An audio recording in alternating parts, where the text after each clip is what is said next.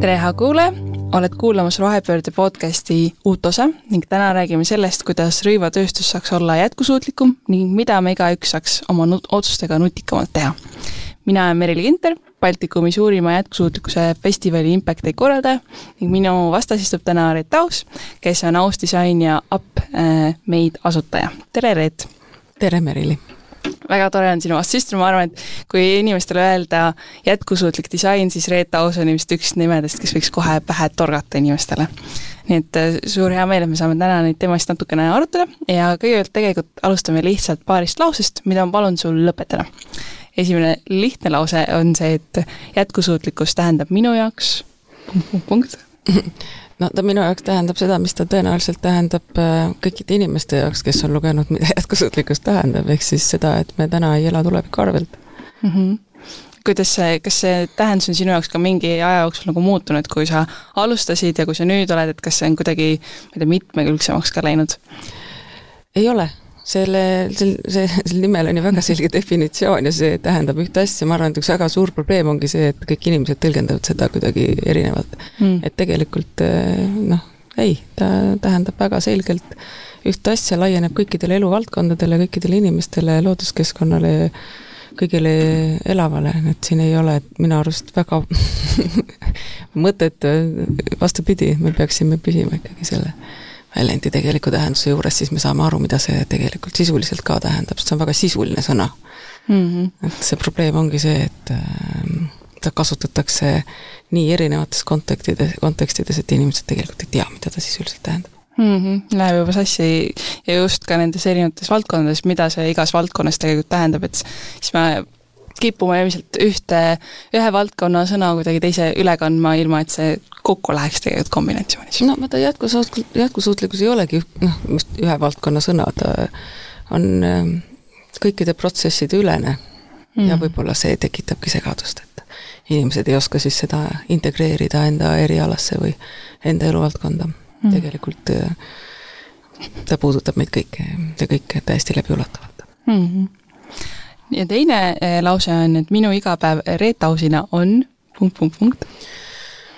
minu igapäev Reet Ausina, no fuh-fuh-fuh, täiesti, ma seda, see on nüüd küll niisugune küsimus, no iga päev on erinev mm. -hmm. Mm -hmm kas on midagi on, mis kordub ikka ka päevast päeva või no,? hommikul ärkan, õhtul lähen voodisse ja pere on sama ja mees, kelle kõrval ärkan, on sama ikka hommikuti ja, ja lapsed, lapsed on ka samad ja töö ja tegemised on suht-koht sarnased, eesmärk on ju ikkagi enam-vähem sama juba pikemat aega mm. -hmm. aga jaa, ma elan tegelikult sellist elu, et et väga vähe on kahte ühesugust päeva, et neid toimetusi on piisavalt palju ja eks mulle meeldibki niimoodi mm, -hmm. et on nagu sellist vahelduvust mm. -hmm aga mis, mis sulle endale siis kõige rohkem meeldib, milline sinu selline lemmikpäev võiks koosneda, kas see on palju sellist kõnelemisi või see on tegelikult oma, ma ei tea, ühe ettevõtte juures toimetamine, et täitsa nii ja naa, et äh, ma, mul väga ei ole nagu endal selliseid emotsionaalseid eelistusi, et eks ma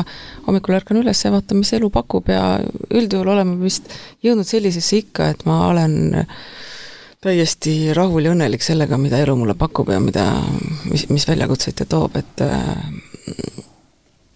ma ei, väga ammu ei ole sellist rahulolematust elu suhtes tegelikult äh, tajunud ja see teeb mind muidugi väga õnnelikuks mm,. väga ilus mm. -hmm. eks siis jääb see saladuse loor endiselt inimeste pähe, mida Reet Aus küll teeb igapäevast tööd, ma arvan, et nagu kõik, nagu, nagu kõik tavalised inimesed, kes hommikul ärkavad.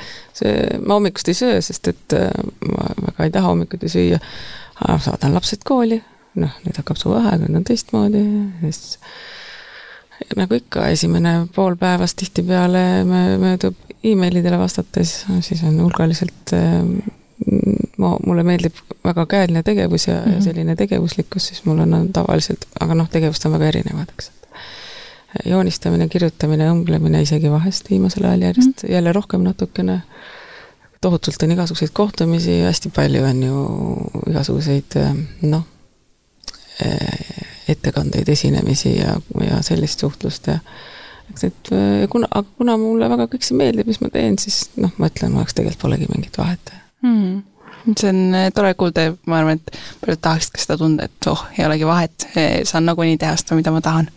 jah, ma arvan, et see ühel hetkel, kui sa saad aru, mis sulle meeldib, siis kõik need asjad, mis sulle ei meeldi, jätad sa oma elust lihtsalt välja, et ma lihtsalt olen üsna jõhkralt seda teinud, et ma kõik asjad, mis mis mind õnnelikuks ei tee, ma olen oma elust välja jätnud ja mul on kuidagi see õnnestunud, jah hmm no ma eeldan, et siis üks asi, mis sind õnnelikuks teeb, on see jätkusuutlikkuse teema ja just ka rõivatööstuse mõistes.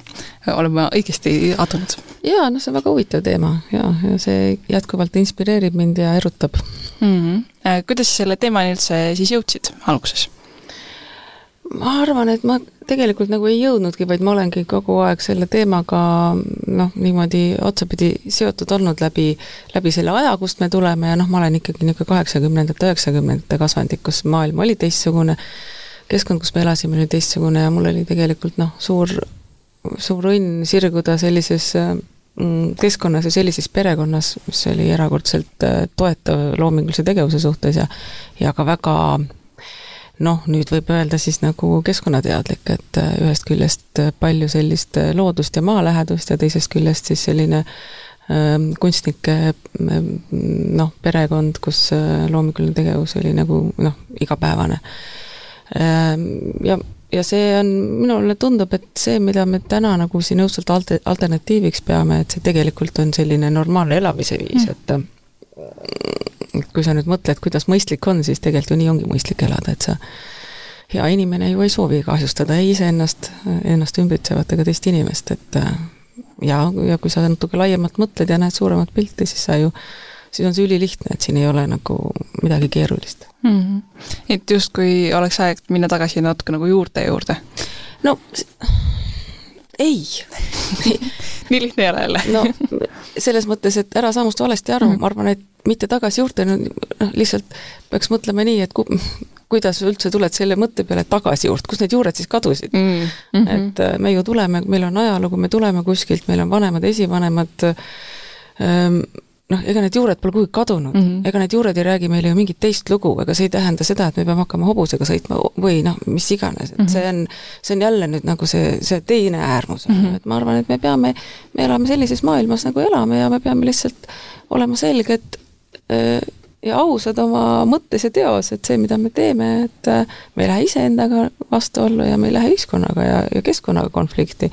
ja noh, mis saab olla ju parem, kui lihtsalt olla üks hea inimene hmm.. noh, eks see nii lihtne vahest ei olegi, aga eks see võiks olla, noh, nii lihtne see võikski olla ja kui sa oled oma südames hea inimene, siis sa ei lõhu ega noh, sa ei ole destruktiivne, vastupidi, sa lood mm. -hmm aga mis sa näed praegu äh, selle rõivatööstuse juures siis, mis on nagu sellised suurimad probleemid või takistuskohad, et äh, jõuda nende jätkusuutlikumate lahendusteni? ma arvan, et kõige suurem probleem on inimese peas. Äh, nii selle inimese peas, kes, kes juhib seda suurkorporatsiooni, kui siis selle inimese peas, kes ostab neid tooteid, et ega see on, me ise loome selle maailma, et, et see rääkida nendest tehnilistest üksikasjadest, millest me võiksime siin tunde rääkida mm, -hmm. sest et noh, tõesti, see on olnud minu kirg aastaid ja aastaid juba, isegi aastakümneid ja ma võin sellest ju rääkida tundide kaupa, siis pole mingit kasu Mm -hmm. sest et sellega samastuda on väga keeruline, inimestele tundub see niisuguse mõttetu targutamisena tihtipeale ja ja midagi pole teha, jah, ma arvan, et äh, inimeste harjumused on väga suureks probleemiks, et inimesed ei näe suurt pilti, see, et me ei hooli, see, et mhm. me tegelikult ei äh,, ei taha näha mingeid asju, mida me võiksime näha, see on jälle omakorda hariduse probleem, see koduse kasvatuse probleem, et lõppkokkuvõttes taandub kõik ikkagi üksikindiviidile ja sellele, kuidas ja millises keskkonnas me oleme sündinud, kasvanud ja, ja mõjutatud, millest mm -hmm. me oleme mõjutatud mm. -hmm. aga see mõtteviis, äh, ütlesid, et see taandub justkui ka haridusele, aga mis, mis sa arvad, mis see põhjus on, miks see mõtteviis nagu siis kinnine on või selle vastu või, või ei võta seda omaks, seda jätkusuutlikkuse printsiipi nii palju?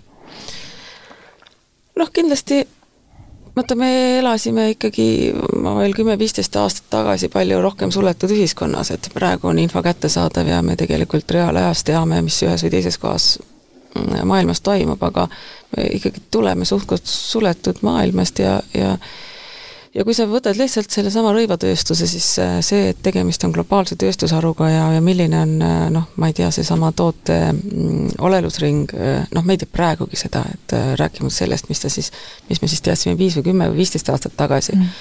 et kui noh, praegu Euroopa Liit tahab sisse viia sedasama digitaalset toote passi mm. -hmm. ja algselt oli noh, väga ilus plaan, et, et sinna peaks ka tegelikult äh, noh, keskkonnainfo peale minema ja, ja nii edasi ja nii edasi, siis noh, reaalsus on see, et, et mitte ükski suurtest kaubamärkidestki pole ju võimeline oma tegelikult oma toote olelusringi avalikustamast, nad tegelikult ei tea, toormaterjalini tagasi, tagasi minna suudavad noh, tõesti tuhandetest üksikud, ehk siis äh, Äh, kõige suurem probleem tegelikult ongi infopuudus ja läbipaistmatus.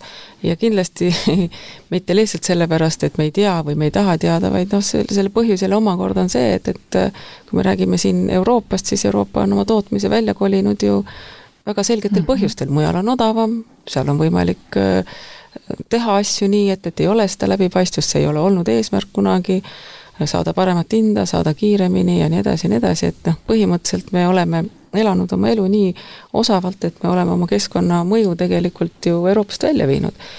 ja seda nüüd hakata Euroopasse tagasi tooma on võimatu, tootmine ei tule sellises mahus ju siia kunagi tagasi, selleks, et seda nüüd läbipaistvalt hakata tegema, see protsess on pikk ja keeruline ja mitte ainult rõivatööstuses, kogu tootvas tootmises on see niimoodi, tootvas tööstuses mm -hmm. on see mhm. niimoodi, et äh, noh, see saab olema üks üks väga pikk ja keeruline protsess, aga noh, kuskilt tuleb ju alustada ja Euroopa Liit vähemalt on väga selgelt alustanud selle läbipaistvuse nõudmisega ja, ja ma arvan, et seda tulebki nõuda, ega ta muud moodi ei muutu mm. -hmm.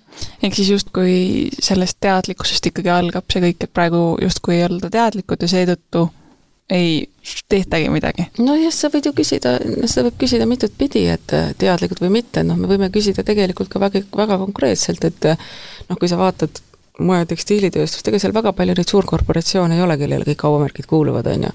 et noh, seda võib vaadata ka sedapidi, et noh, et kui näiteks Inditexi omanik ärkaks ühel hommikul üles ja mõtleks, et äh, ma muudan kõik oma kaubamärgid läbipaistvaks. no mm. kogu maailm muutuks mm -hmm. nagu radikaalselt, et see on tegelikult ühe inimese otsus, et me jõuame ikkagi jälle selleni, et enamus sellest, mida me täna elame ja oleme, on kellegi mõtte noh, sünnitis, on ju, või otsuse tulemus, et et äh, täpselt nii see ongi mm. -hmm. ja me võime siin, me võime siin lõputult arutada ja, ja, ja selgitada ja noh, selgitada tuleb ka, see on ka õige ja tulebki rääkida ja ja harida ja, ja, ja ja noh, seda protsessi nii-öelda valgustada, et inimesed äh, näeksid, kuidas need asjad toimuvad, siis neil on võimalik vähemalt äh, teha targemaid valikuid, aga, aga tegelikkuses kui sa mõtled, et sul on soov muuta, ma ei tea, seitset miljardit inimest versus üks inimene või kolm noh, tegelikult neli-viis inimest muudaksid oma mõtte, mõttemaailma, siis noh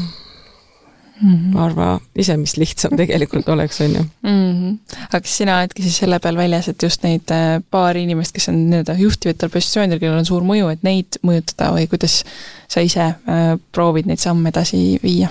noh, ega mina ju teen oma tööd disainerina, et äh, ma ju oma, läbi oma eriala proovin, ähm, proovin mõjutada seda tööstust ja, ja läbi suurtootjate on mul see ka õnnestunud, et äh, noh, seesama ettevõte, kellega me siin kaksteist aastat tagasi alustasime, Bangladeshi kõige suurem tootja, nendega koostöös, noh, me oleme tegelikult väga palju teinud ja, ja tänaseks on see ettevõte, ma arvan, et üks jätkusuutlikumaid tootjaid, investeeris siin koroona ajal äh, kuussada miljonit dollarit on jõudnud ümbertöötlustehase avamiseni ja nii edasi ja nii edasi.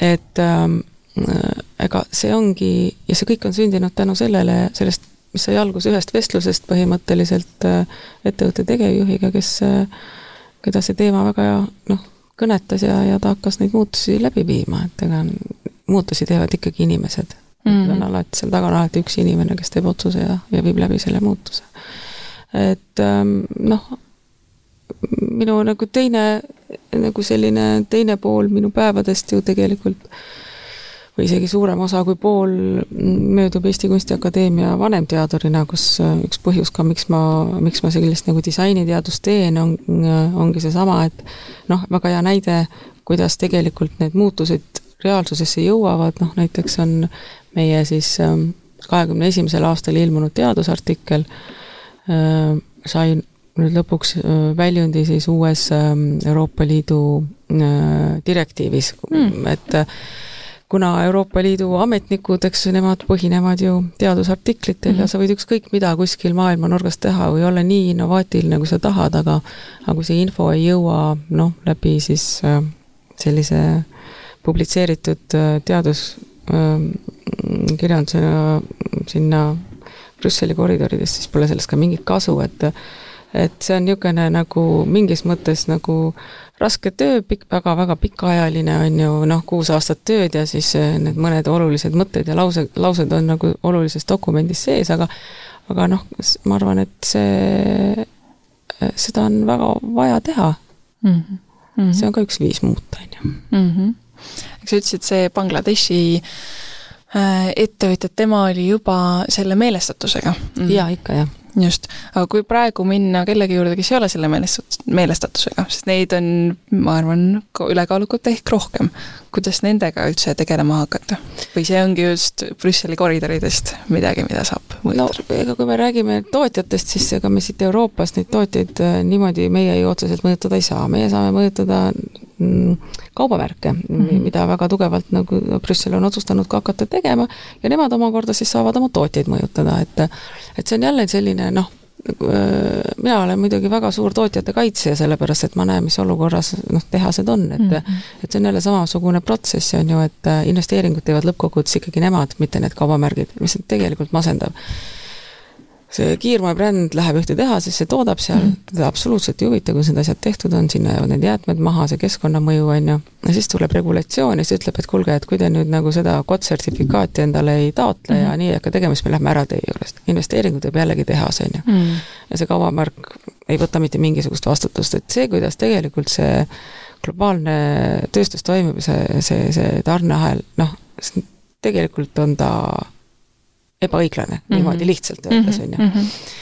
ja no nii ongi, ega ma arvan, et ega teistmoodi tegelikult seda tööstust ei muuda, kui ainult äh, läbi regulatsioonide mm -hmm. ja noh, mm, seda noh, seda loota, et keegi hommikul ärkab ja ta otsustab heaks inimeseks hakata, seda noh, võib ju loota, aga vaevalt, et see nii läheb mm,. Nojah, kuus aastat juba oled teinud, siis liiga palju ei ole neid äh, nii-öelda inimesi veel liitunud, et ilmselt siis on näha, et on vaja nii-öelda seda mitte survet, aga ikkagi nagu suunamist. ei no ikka survet on vaja mm okei okay,, aga kui me võtame selle tavainimese nii-öelda perspektiivi, et äh, mina üksikisikuna tarbijana saan ka mõjutada, mis on need sammud, äh, kui ma olen huvitatud, noh, nii palju mingeid erinevaid variante, et kas ma vaatan mingeid sertifikaate, kas ma lähen äh, teise ringi riideid võtma, et mi-, mi-, mida ma üldse saan nagu ta-, tarbijana otsustada, et kuidas ma saan mõjutada seda tööstust?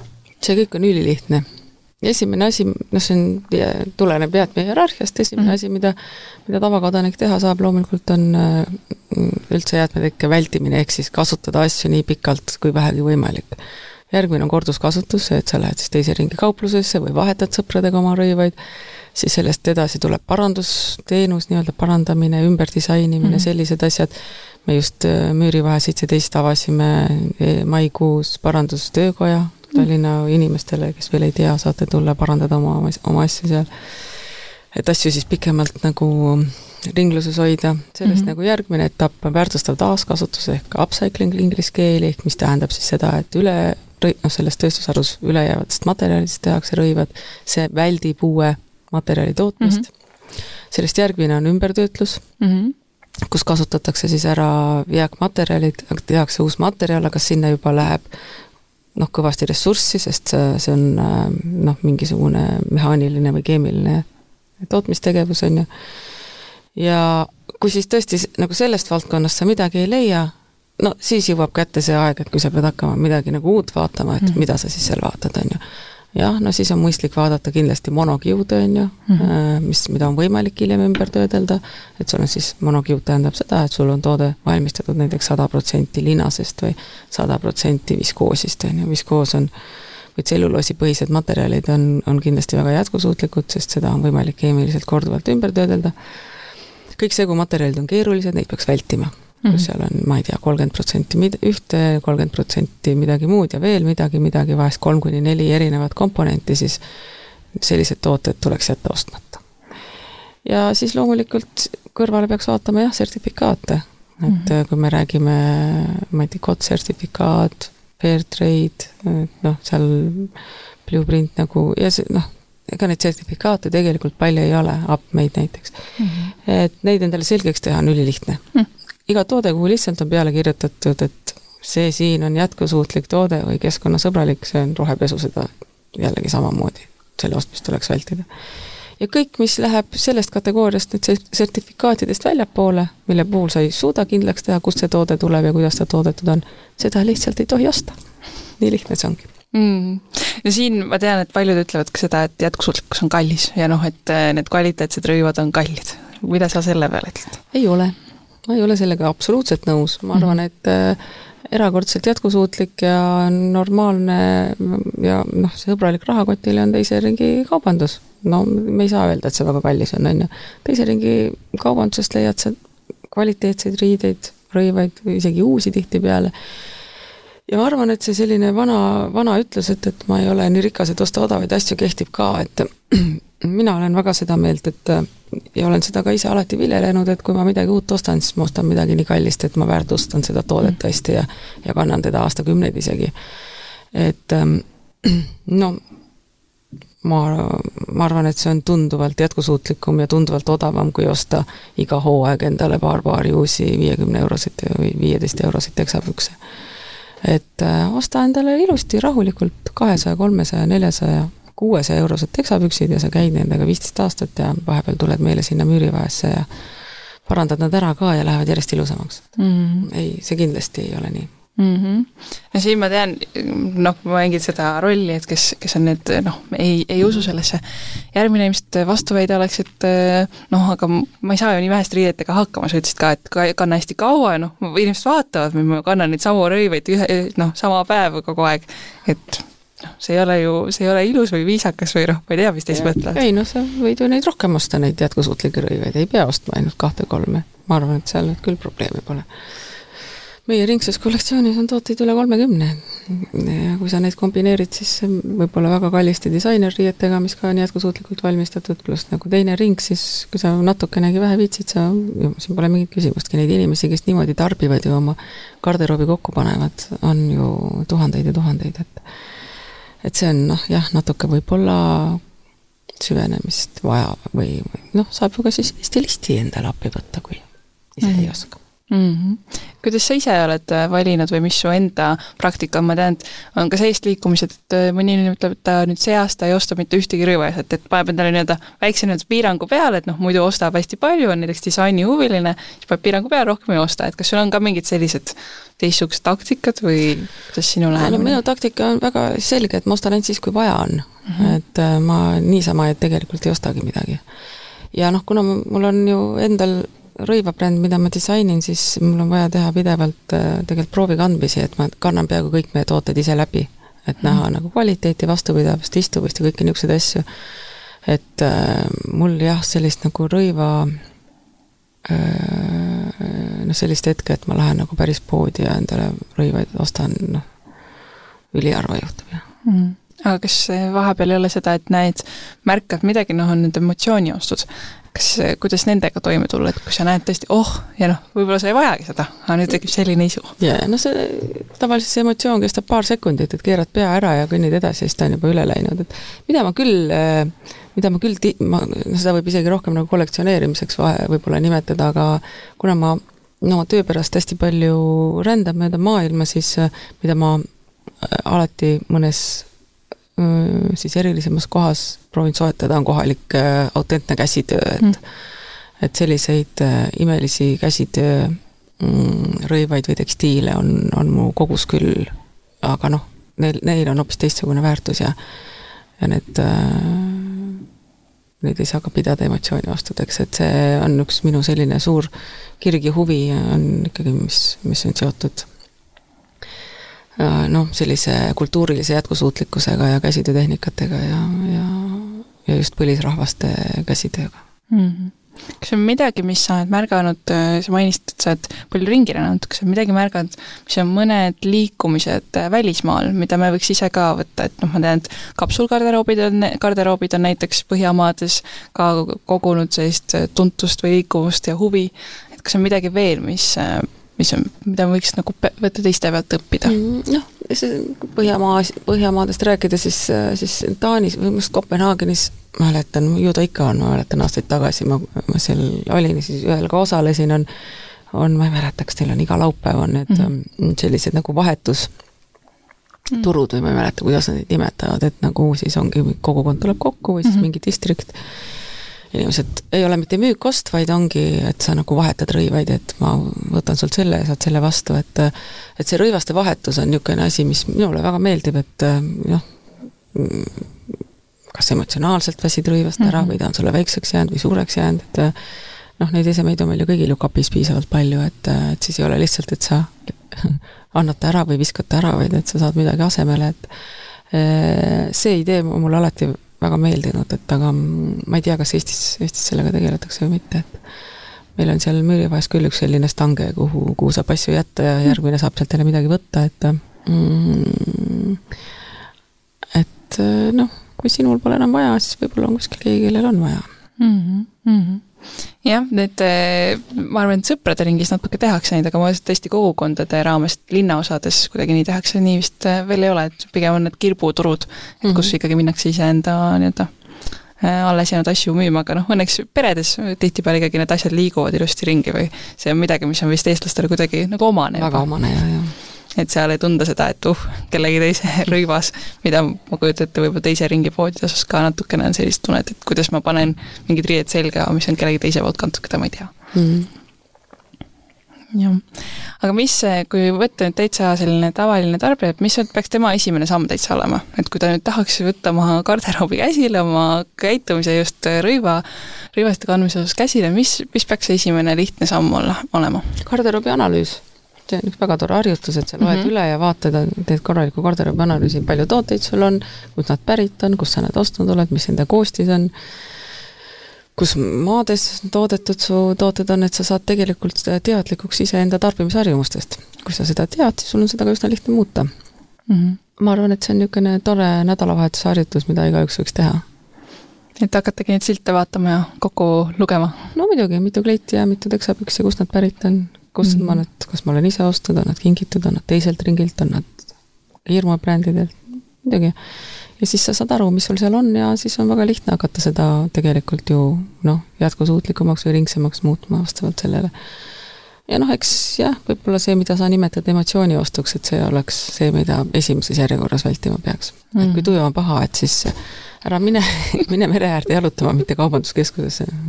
sauna parem ja, ja siis, kui näed midagi, keera ümber. ei no ära lihtsalt mine. mina lähen siis sauna.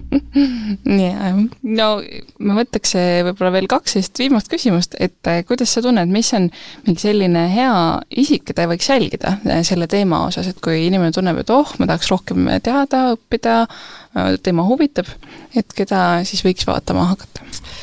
Noh, ma olen ikkagi selline mitmekesisuse pooldaja, arvan, et ei ole nii, et, et on üks inimene, keda peaks mhm. jälgima mm, -hmm. et ma arvan, et igaüks peab ikkagi ju ise aru saama, mis ta on, noh, mis on ka ta stiilieelistused ja, ja, ja mida ta sest ega rõivastus on ka eneseväljendus ju väga noh, väga mm -hmm. suuresti, on ju, et et seetõttu ma arvan, et pigem nagu soovitaks või eeldaks või, või sooviks, et iga inimene nagu suudab ise nagu selle äh, noh, seal välja kabetada, mis talle sobib ja meeldib ja, ja, ja kuidas seda kõike siis teha jätkusuutlikult ja, ja lihtsalt seda infot on tegelikult nii palju, et, et mõistlik on ju tõepoolest alustada sellest, et endale materjalid selgeks teha ja aru saada, noh, millised tootjad on mm, -hmm. on üldse, lähevad sellest nõelasilmast läbi ja millised tuleks kohe välistada ja ta on tegelikult selline pigem ikkagi teadmiste omandamise ja, ja maailmapildi küsimus, et et äh, noh, neid platvorme, mida lugeda ja jälgida, neid on ju sadu.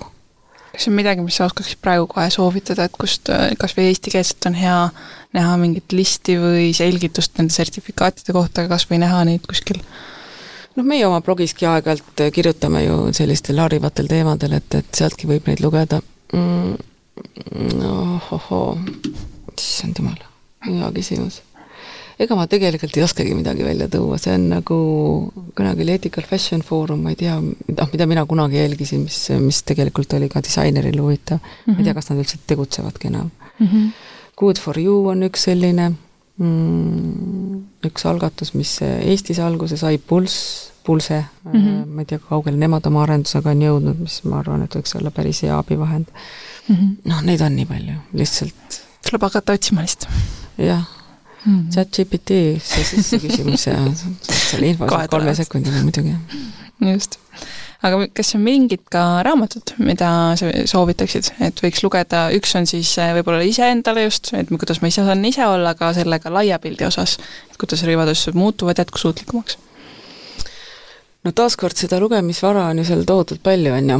Mhm. Mm, sõltub sellest, kui süvitsi tahab keegi minna, et noh, UK-s on hulgaliselt äh, niisuguseid kirjutajaid, kes tegelikult sel teemal kirjutanud on, just noh, niisugune tavatarbijale mõeldes ja kuidas seda garderoobi kokku panna ja, ja nii edasi, alates seal äh, Sandy Blackist kuni, kuni paljude teisteni, et mm, ma ühtegi raamatut taaskord niimoodi ühte ei oska, ühte välja ei oska tuua, ma olen ise neid ju nii palju ka lugenud, et et see on jälle selline nagu üldise üldise sellise harimise teema, et et kes, noh, kellele mis meeldib, et ma ei tea, vahest selline üldharidusliku kirjanduse lugemine annab ka rohkem kui, kui mõne sellise näpuga viibutava raamatu mm -hmm. läbitöötamine, aga no jätkusuutliku disaini ja, ja jätkusuutliku rõivatööstuse kohta seda kirjandust on hästi palju ja on ka palju filme mm mida, mida vaadata ja mis on, mis on ka nagu võib-olla lihtsamad, et ja, ja, ja noh, igasugustel jätkusuutlikel kaubamärkidel on blogid juures ja, ja tihti ka tead, parandusõpetused või, või selgitavad videod ja mm -hmm. et, et seda materjali on nii tohutult palju ainult mm. -hmm. sa tegid ise ka hiljuti ühe dokumentaalfilmi jaa, ja me teeme teist praegu Jaak mm. Ilmiga, mis peaks nüüd järgmine, ülejärgmine aasta valmis saama, et äh, kui esimeses filmis me vaatlesime tootmisjärgseid jäätmeid, siis nüüd me tegeleme tarbijajärgse jäätmega mm. -hmm. ja, ja sellega seoses olemegi üsna palju Keenias aega veetnud ja, ja, ja sellistes keerulistes kohtades olnud, kuhu meie, meie prügi siis läheb mm. -hmm. uurime seda inimeste kasutatud rõivaste prügilugu ja kas seda saab ka kuskilt vaadata, seda esimest dokumentaalfilmi? see esimene on minu arust meil kodukal üleval ja täiesti vabalt äh, tasuta vaadatav, et äh, retaus.com jah, ta on Youtube'is üleval, jah mm, -hmm. link on, ma arvan, retaus.comil olemas seal, jah mm. -hmm. ei, see on tore vaatamine, ta on küll juba aastaid vana, aga, aga ta on niisugune, annab hea ülevaate sellest tegelikult, milline see suurtootmine on mm. -hmm no siis on jätku sellele kuulamisele yeah. kas on miskit veel, mida sa tahaksid äh, kuulajale edasi öelda, äh, kas ühe mõtte või üleskutsena? no mis, mis mul ikka inimestele või noh, ikka sedasama, mis endalegi ütled, et äh, ole õnnelik sellega, mis sul on. nii ilus lühike mõte mm. -hmm. aitäh sulle, Reet, tulemast, aitäh, et kuulasid! aitäh!